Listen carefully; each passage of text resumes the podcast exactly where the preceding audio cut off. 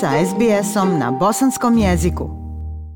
Ekonomisti pozivaju vladu da dozvole migrantima dolazak u Australiju što prije bude sigurno da se to učini, rekavši da će biti značajnijih financijskih posljedica ako država ne uspije obnoviti njihov dolazak na nivoima prije pandemije. Nova studija je pokazala da će pad useljeništva kao rezultat COVID-19 rezultirati gubitkom australskog stanovništva u sljedećoj deceniji za 1,1 milion ljudi. Tokom 20 godina prije udara COVID-19 neto međunarodne migracije doprinio je 57% porasta australskog stanovništva tokom jedne godine. U istom periodu migranti su bili zaslužni za 20% porasta kapaciteta ekonomske produktivnosti. Ali zatvaranje australskih međunarodnih granica uzrokovalo je da je državna neto migracija opala do njenog najnižeg stepena od drugog svjetskog rata, a ekonomisti upozoravaju da će neuspjeh vraćanja na stopu prije covid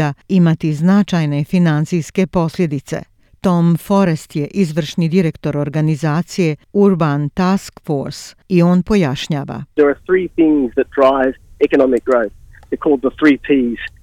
Participation, productivity and population. Postoje tri stvari koje utiču na ekonomski rast. Sudjelovanje, produktivnost i populacija. Migranti doprinose svim ovim navedenim, a ako izgubite bilo koji ovaj dio, vi gubite ekonomski kapacitet države. Novi istraživački dokument poručen od neprofitabilne organizacije i pripremljen od strane BIS Oxford Economics kaže da će opadanje migracije zbog COVID-19 uzrokovati gubitak od 1,1 milion ljudi australske populacije u narednoj deceniji. To će rezultirati i u manjem broju radne snage, procjenjuje se do 822.000 do 2024. godine, što će prouzročiti usporen rast i smanjenje omjera australske ekonomije do otprilike 80 milijardi. Izvještaj navodi da obrazovani migranti sa stalnom boravišnom vizom imaju stopu zaposlenja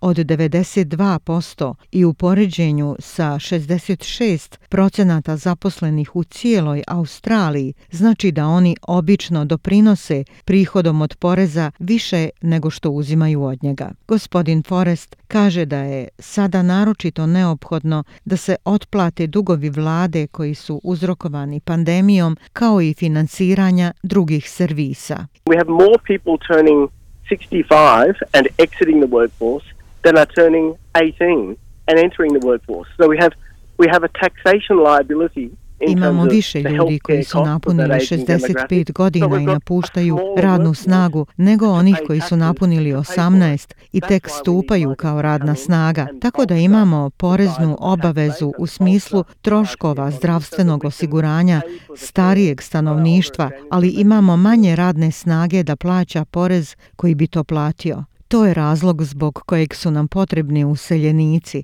da podupru obim poreske osnove, da podupru obim privrede, tako da možemo platiti njegu starijim Australcima koju zaista zaslužuju. Cat Scott je izvršni direktor Agencije za obrazovanje, zaposlenje i naseljavanje AMS, Ona kaže da useljenici također igraju presudnu ulogu u popunjavanju mjesta u onim poslovima u kojima nema dovoljno australaca voljnih ili sposobnih da rade. Employers come to us saying have you got have you got staff um, particularly in some of those areas where now we see such huge skill shortages Poslodavci nam dolaze i pitaju imate li osoblja, naročito u nekim od tih oblasti gdje vidimo da je manjak obučenih kao što je njegovateljstvo invalidnih lica ili uopšte u poslovima staračkih domova. Znate, puno radimo ovdje u Viktoriji sa nekim inženjerskim kompanijama zato što se upravo mnogo gradi. Isto tako, međunarodni studenti su od vitalne važnosti za oporavak australske privrede. Državne i teritorijalne vlade rade na olakšavanju povratka nekih međunarodnih studenata prije kraja godine. Procjenjuje se da je od njihovih prihoda podržano više od 240 lokalnih poslova u 2018. i 2019. godini ali savezni ministar za migracije Alex Hawke rekao je za SBS Punjabi da će za sada njihov studij ostati online. Great quality education people can access from Australia and they can do that from offshore at the moment and that is working. Postoji um, izuzetno kvalitetno obrazovanje kojim ljudi mogu pristupiti iz Australije ili iz inostranstva trenutno i to djeluje. Mi želimo da vidimo povratak studenata i turista i to što je prije moguće da bude sigurno, ali nažalost to neće biti sada. Pad stope useljeništva naročito se osjeća u Novom Južnom Velsu, za koji glavni ekonomista organizacije ComSec, Craig James, kaže da prolazi kroz oslabljeni ekonomski rast i spori porast stanovništva u zadnjih 25 godina.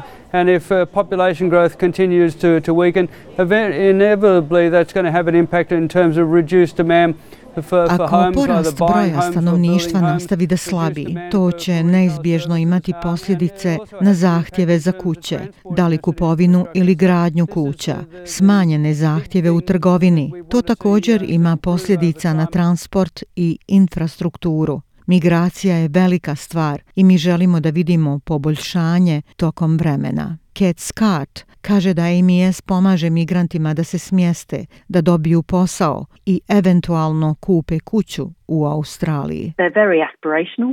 You know, migrants and refugees are very keen to contribute Oni su veoma ambiciozni. Znate, doseljenici i izbjeglice su veoma radi da doprinesu zajednici i očigledno grade prosperitetan život za svoje porodice i veoma su radi da čine neke od tih stvari što prije mogu. Ali oni se mogu okrenuti tržištu nekretnina kojim je teško upravljati. Tom Forest kaže da su lokalna vijeća u području šireg Sidneja smanjila priliv useljeništva za vrijeme pandemije COVID-19 da bi dalje smanjila planirane ciljeve za kupovinu i gradnju kuća.